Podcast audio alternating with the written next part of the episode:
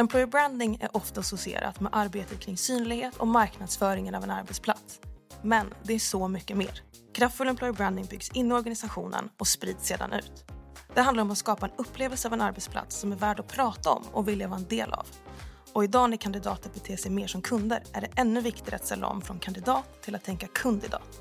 Du lyssnar på Kandidatresan, en podd av Visma Talent Solutions med mig, Katrin Chamera. HR står inför en ökad efterfrågan på datadrivna beslut. Och även om området kan upplevas som komplext finns det ovärderliga insikter att hämta. Genom att prioritera en datadriven arbetsmetodik kan HR bidra till att organisationer får bättre prestanda och produktivitet.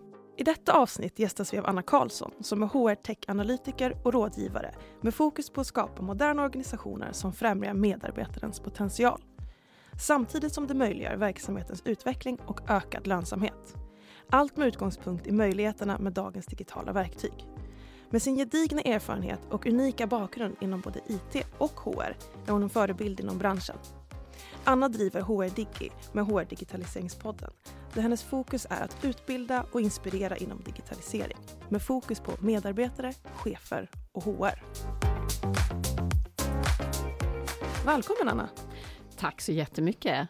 Idag ska vi prata om HR Analytics, men vad innebär det området? Det innebär att man kan använda sin data för att ta olika beslut eller bli informerad och se det mer som en helhet. Alltså vilken information man har om sina medarbetare och sin organisation. Och eh, då kunna ja, men tänka strategiskt och utveckla sin organisation. Och det finns ju olika mognadsgrader när det kommer till dataanalys. Kan du berätta lite mer om vilka de är? Ja, absolut. Alltså, vi börjar med att det finns två nivåer som handlar om rapportering. Och det ena är mer ad hoc-rapportering, det vill säga att du inte har någon strategiskt sätt att, att jobba med din data, utan du mer får frågor att eh, kan du ta reda på det här? Kan du leverera den här informationen? Du kanske har vissa rapporter som visar på någon någon typ av händelse som återkommer. Det kan vara eh, personalomsättning, det kan vara lönestatistik, det kan vara eh, sjukfrånvaro och liknande. Men att du rapporterar mer när organisationen ber om det. Så det är en reaktiv eh, rapportering. Och eh, den andra rapporteringen är mer proaktiv, att du har till exempel dashboards som chefer kan komma åt och hitta information, sånt som är återkommande. Men det viktiga med de två första stegen, det är ju att de är mer fokuserade på vad som har hänt, det vill säga man rapporterar på någonting som redan har varit. Sen kommer man till nästa nivå, då pratar man om strategisk analys. Och det är, det som, då är det då det börjar bli riktigt spännande. För det är då du har information som du har samlat ihop på olika sätt i ditt HR-system eller genom att samla in data från medarbetarna. Men sen så använder du eh, statistiska modeller för att ta reda på saker om din organisation. Och vad är då en statist statistisk modell i det här sammanhanget? Och då kan man ta exemplet med eh, löner. Om man vill titta på hur löner, eh, lönegapet ser ut mellan män och kvinnor i en organisation. Så ett sätt man gör det är ju bara att titta på, ja men vad har vi för löner eh, över kvinnorna och männen och så jämför man det. Men när man ska jobba statistiskt och eh, på ett korrekt analytiskt sätt, då behöver du ju titta på alla faktorer, för det är ju inte bara könet som påverkar, utan kan ha att göra med ålder, eh, erfarenhetsnivåer, bakgrund, roll. Och då, om du ska göra en ordentlig analys och kunna besvara organisationens frågor kring, har vi ett, ett glapp mellan män och kvinnor? Då måste du ta med all den här informationen. Och sen har vi nästa steg, Eh, och det är prediktiv analys. Det är när du kan ta den här informationen som du har analyserat fram och sen skapa scenarios. Eh, och det kan man göra i vissa av de här eh, olika lösningarna som man kan köpa in eller som man kanske har internt och, eh, och göra justeringar. Om vi skulle sätta in den här åtgärden eller fördela och ge en löneökning för en viss typ, en viss grupp. Hur påverkar det resultatet? Så att vi vet lite grann, kan planera för vad som ska hända. Och där finns ju inte, det handlar ju inte bara om löner, utan det kan vara hur, hur din rekrytering ska se ut. Hur ser det ut med avgångar? Men eh, att förbereda sig för förändring. Så det är prediktiv analysen. Och sen den absolut sista nivån, det är när du börjar använda AI i det här arbetet. För artificiell intelligens, den kan ju agera mer självständigt. Så eh, vissa pratar om att AI inte ingår i, i analys, eh, eller så lägger man det då högst upp. Men AI är beroende av data och är då det sista, eller högsta steget, så kan man säga. Och då görs själva analyserna av AI? Ja, man har ju byggt upp någonting då. Eh, först måste man ju jobba igenom det här, men sen kan AI, eh, den här motorn agera mer självständigt eh, och ta beslut och föreslå åtgärder eller kandidater eller vad det nu än kan vara. Så det är ju att den mer kan göra saker på plats. Det gör ju inte de andra nivåerna, utan då är det ju du som som får resultatet som tar action på vad du vill åt, eh, åtgärda, medan AI, då är det självständigt. Mm. mm. Och om man vill avancera mellan de här stegen, vad ja. behöver man då ha på plats för att gå upp ett snäpp? Ja, för det första så behöver du ha data. Eh, så du behöver ju ha tillgång till information och det brukar jag prata mycket om att digitaliseringen i sig är ju ett jätteviktigt steg. För har du inte digitaliserat så är det oerhört svårt att få kvalitativ data. För om du samlar in den manuellt eh, så, så kan den alltid misstolkas, utan det måste göras eh, digitaliserat helt enkelt. Så den här digitaliseringen på plats. Eh, du behöver också kunna Eh, det här med analys för att kunna gå upp till de analytiska stegen. Eller att du jobbar tillsammans med din organisation och den analytiker som kanske finns och gör andra saker, kanske analyserar finansiellt. Och då hjälps ni åt att äh, sätta till olika statistiska modeller för att få bra resultat. Eller så använder du de lösningar som kanske finns redan i ditt HR-system. För de är ju byggda utifrån den typen av modeller. Så man måste ju lära sig själv och våga prova helt enkelt för att kunna ta sig vidare. Och vilka behöver vara involverade i det här arbetet för att lyckas jobba med Analytics? Oh, eh, det beror ju på också vad du ska använda det till. För om du tänker på vad ditt, din organisations behov, vad är ni på väg, vad är era utmaningar? Så behöver du involvera Eh, de som har ansvaret för den datan. Så det kan ju vara om du är en större organisation, kanske det är ditt talent acquisition team som behöver vara eh, involverat.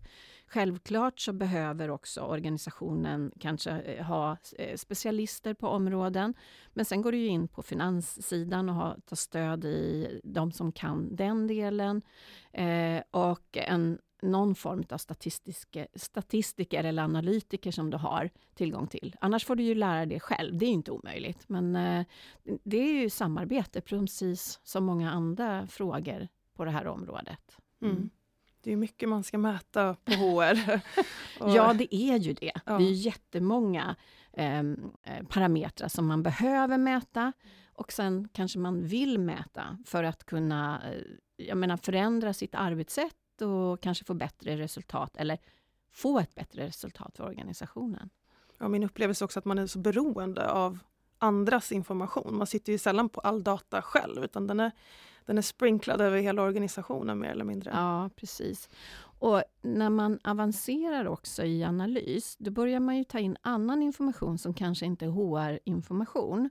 Och ibland så brukar man prata om att man kallar det för HR Analytics när man analyserar HRs egen data, den som handlar om medarbetarna direkt. Men när du sen kombinerar den med affärsdata, resultat från olika delar av organisationen eller andra typer av input, då är det People Analytics, för då tittar du på ett större perspektiv. Mm. Mm, så det är skillnad på HR Analytics och People Analytics? Ja, jag tycker det. Mm. Eh, det är inte alla som... Man slänger sig med de olika termerna, men det är det här som jag anser är skillnaden mellan de två olika. Men det finns mycket man kan mäta, men finns det någonting HR alltid måste ha koll på? Någon form av lägsta högsta nivå. Jag menar, det finns ju regelverk eh, och jag är inte experten på exakt vad man behöver mäta i varje organisation. Men till exempel är du aktiebolag måste du kunna rapportera på män och kvinnor i organisationen. Och, Eh, du har krav på sjukfrånvarorapportering och liknande. Så det finns ju den typen av eh, mätetal som du måste ha koll på. Och eh, har du inget HR-system ja, som mäter det, då får du mäta det själv eller rapporteringssystem på olika sätt. Mm. HRs roll växer och växer och växer. Ja. Man ska kunna mycket. Men om man själv inte har den här kompetensen, mm. eh, hur kan man tänka då för att lyckas? Är du själv intresserad? Om du tycker att det här är intressant, du kanske har själv pluggat lite statistik på universitetet under din utbildning. Jag menar, du kan lära dig själv. Eh, det finns väldigt bra material, eh, både att titta på Youtube och liknande i att förstå sig på olika modeller. Men det finns också en del utbildningar. Eh, Sveriges HR-förening startar en utbildning, jag tror under våren, jag är lite osäker på när startdatumet är, där de också kommer ha den, för det behövs. Och sen finns det utländska utbildningar för att man kan lära sig. Så det, det är ett sätt. Men det andra är ju då förstås att jag menar, samarbeta med andra och lära sig av andra i organisationen, helt enkelt, som kan det här redan. Mm. Och hur säkerställer vi att den datan vi har faktiskt är korrekt? Det är grunden. För när du tänker på att du ska använda din data för strategiska beslut, för det kommer ju påverka individer och hela organisationen. Eh, då behöver du ha en väldigt bra förståelse i organisationen för att man ska använda den här datan. Och grunden ligger ju i att de system som samlar in datan, om det är HR-systemet, eller lönesystemet, eller ett sjukfrånvarosystem eller ett annat rapporteringssystem, så är det extremt viktigt att organisationen förstår att det är här vi använder informationen och att man alltid använder det. För det är ofta det som är utmaningen med olika digitaliseringsprojekt. Att du inte fullföljer, du installerar eller implementerar någonting som ska användas av alla, men du säkerställer inte hela tiden att det är det som används. Och om man börjar plocka in saker vid sidan av, för att man inte riktigt litar, då är det jätteviktigt att gå tillbaka till grunden och säkerställa att eh, det som man stoppar in i systemet, så skit in, skit ut. Så mm. är det. Mm. Vem är ansvarig för att datan ska vara korrekt? då? Behöver man eh, sätta in en person som har koll på det? Ja, man, man gör ju en form av... Eh, när man plockar ut data ur system så gör man ju kontroller och verifieringar och man kan få rapporter på hur bra den här datakvaliteten är. Eh, den som jobbar med den här analys, analysen blir ju ansvarig i slutändan för att om inte datan är bra, då måste man sätta till ett projekt för att lösa det problemet först eh, innan man kan börja använda informationen. Men, men eh, vem som ska ha den rollen, det beror ju lite på hur organisationen ser ut helt enkelt. Den personen kommer få tjata lite i alla fall, ja. låter det så. Eller ta hjälp av någon förändringsspecialist eh, i organisationen, så man får till den här förändringen, så att eh, man förstår. För det handlar ju om att gå tillbaka till, vad är värdet? Varför ska vi göra det här? Vad är värdet för organisationen att vi har bättre bättre information, bättre beslutsunderlag. Man är ju väldigt van vid att ha bra beslutsunderlag finansiellt, men det är också viktigt att ha det på HR-datat. Och då måste man få hela organisationen att förstå värdet för just dem i sin roll. Och då är de ju beredda. Och det är precis som om du ska om du ska börja träna måste du förstå varför ska jag börja träna? Vad är det för värde för mig? Och sen att det fortsätter att vara viktigt för dig så att du får se resultatet. Så är det ju likadant i alla olika projekt. Att eh, ja, Du måste se till att folk vill. Mm. Jag tycker det är viktigt att du säger det, att det är faktiskt en förändringsresa. Ja. Det är mer än att bara säga nu ska vi jobba på det här sättet, men det, det kräver också att man tänker om och, och förändrar hur man jobbar idag. Så det är mm. superviktigt. Men eh, ponera då att vi har bra data hur kan man jobba med att sätta hypoteser? Det är ofta man sätter en hypotes man kanske tycker låter intressant, men hur vet man att man sätter rätt hypotes? Och det är tillbaks till hur HR-arbetet bedrivs eh, och att jobba strategiskt. Man måste ha en strategi. Eh, man måste ha eh, tagit fram tillsammans med eh, hur organisationens strategi, hur ska HR strategi vara eh, aligna, det var ju ett fult ord, vad heter det? Anpassad. Ligga tillsammans med organisationens eh, strategi. Och utifrån det ta reda på, men vad behöver vi veta? Och det är de sakerna man ska jobba med, inte någonting man tror är bra.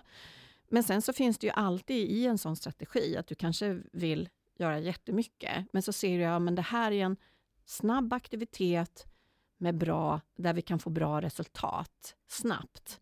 Kanske på hur vi får folk att stanna eh, eller någonting annat som är otroligt viktigt för organisationen. Då är det ju där man ska börja. Men man måste, ha, man måste ta tid för att analysera vart ska vi? Och vad behöver vi då? Och när man säger data så tänker de flesta Excel. Mm. Men finns det några andra verktyg man kan nyttja? Oh ja. Jag har redan nämnt att det finns inbyggda system eller inbyggda verktyg i systemen, ska jag säga. Excel är ju fantastiskt och är man bra på det så är det ett otroligt bra verktyg att använda. Men det finns ofta företagsövergripande analysverktyg som eh, eh, Power BI och eh, Tableau till exempel. Och då blir det också tillgängligt för resten av organisationen om det är ett verktyg man redan använder. Sen finns det färdiga, eller färdiga, det finns People Analytics-verktyg som är framtagna just för det. Till exempel eh, Visier, Cruncher och lite sådär. Det är superspännande verktyg som verkligen kan jobba med organisationsdatan. Eh, och sen så har du ju inbyggda verktygen i de olika HR-systemen som eh, Vismas eget, antar jag, och eh, eh, Workday, SuccessFactors, alla de större och även, sen kan jag inte exakt vilka som har inbyggda och vilka som då har ett tillägg för det. Men det, de hjälper ju väldigt mycket till. Eh, fort, fortfarande så behöver du ha koll på datan då, men de hjälper ju till så att du kan få fram bra analyser och bra förslag eh, direkt från systemen. Och hur viktigt är det att andra organisationer har tillgång till den här eh, HR och People Analytics-datan också? Jätteviktig. Eh, för hur, hur du skapar förändringar i organisationen det handlar ju om att eh, förstå sin data. Jag menar resten, även om HR kanske inte har en tradition att använda data som sitt verktyg, utan det, man har tankar, man har känslor, man upplever, man ser, man känner sin organisation, men resten av organisationen är alltid datadriven. Man tar finansiella beslut, man tar andra beslut. Och, och om HR vill få en stark position, då handlar det ju om att, att använda sin data i hela organisationen. Och de som har börjat göra det, de märker ju att resten av organisationen vill använda det här. Då börjar de fråga efter mer saker, fler saker, för att de vill kunna förstå. Sen har det ju att göra med storlek på organisation, hur mycket man eh, behöver jobba med datan. Mm. Och vilken data får man be om? Ja, har du ett eh, syfte, eh, tydligt behov eh, med din data så får du fråga egentligen om princip vad som helst. Det handlar ju om hur du lagrar det, hur du anonymiserar det och säkerställer datan. Men ibland tycker jag att vi är lite väl försiktiga eller lite rädda för att göra fel. För att vi får samla in information. Jag tänker på området eh, eh, vad heter det, diskriminering och inkludering. Där är vi otroligt försiktiga med att ställa frågor kring datan.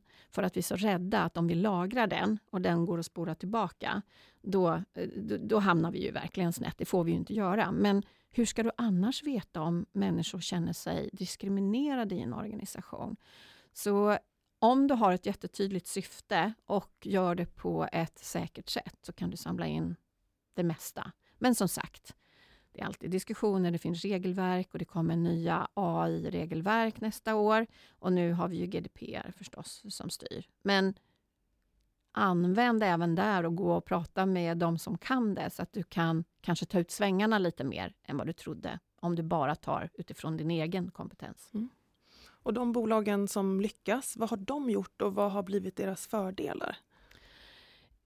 Ja, det är, det är ju alltid svårt att säga exakt eh, vilka fördelar man får ut. Eh, men jag tänker på att när man gör analyser på de företag som ah, är väldigt långt framme och använder både digitala verktyg men också analysen så kan man se att deras resultat, alltså både affärsresultatet och HR-mätbara resultat är mycket högre än mer rapporterande organisationer.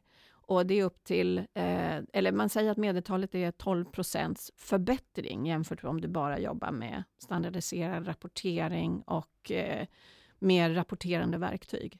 Så det, det är ett affärsresultat du får av det. Exakt. Sen beror det ju på lite grann hur din organisation ser ut och vad du gör. Jobbar man i eh, retail, alltså har butiker, då använder man, kan man använda väldigt mycket data för att förstå hur du ska kunna beman, bemanna butiker, vilken typ av personal och när på dygnet. De som använt det har fått otroligt stora eh, framgångar med bättre lönsamhet i butiken. Eh, och det är ju de avancerade resultaten. Mm. Men ser inte så mycket i Sverige ännu på det, eh, tyvärr. Nej, jag, jag tänkte att jag har förstått att omvärlden har kommit lite längre eh, med just eh, data inom HR. Mm. Eh, hur ser utvecklingen ut i Sverige? Vad tror du? Jag, eh, jag ser att man är mer intresserad av analys och det eh, vad jag läser och hör.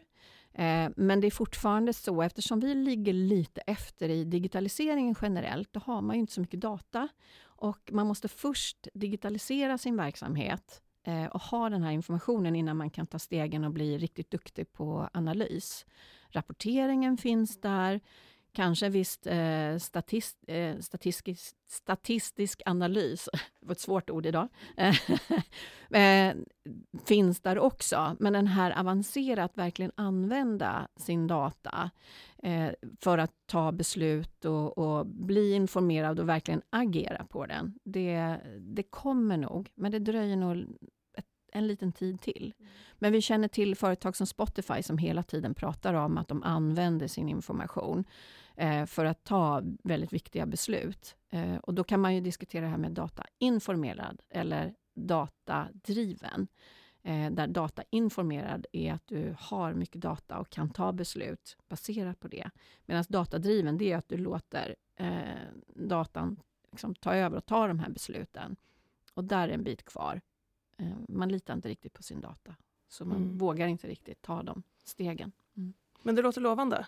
Ja, herregud. Om vi inte använder det här, varför ska vi annars digitalisera allting om vi inte kan få bra svar och eh, förslag på åtgärder som gör att vi, vi som organisationer fungerar bättre?